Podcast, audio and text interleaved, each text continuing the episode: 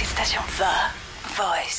Swedish House Mafia har holdt pause på tre år, og nu har Axwell i et interview hentydet til, at DJ-trioen ikke er helt død. I think we think about it uh, every now and then. You know, what we left and what we did and what we accomplished and everything, and how it would be to do something together again. But I think that uh, the only thing is uh, time will tell. Forsangeren for Maroon 5, Adam Levine, har fået endnu en tatovering til samlingen. Denne gang er det en kæmpe havfru, som fylder hele ryggen. Se tatoveringen på vores Snapchat, TheVoice.dk. I dag er Adele's nye album 25 ude. Det er fire år siden sidst, at Adele smed et 21-album på gaden, men fire år har ikke ændret noget på populariteten.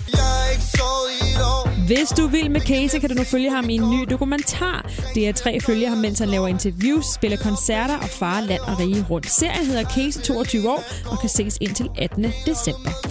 Christoffer har postet et billede på Instagram med en guitar i hånden i et studie og skriver Can't Stop Writing. Hashtag religion. Det kan være, at vi snart får et hit med et stort budskab. Rihanna lancerer eget cannabismærke. Hun har selv en kæmpe forkærlighed til hamplanten, så meget hun har lavet sin egen kollektion af cannabisprodukter, som selvfølgelig kommer til at hedde Mariana.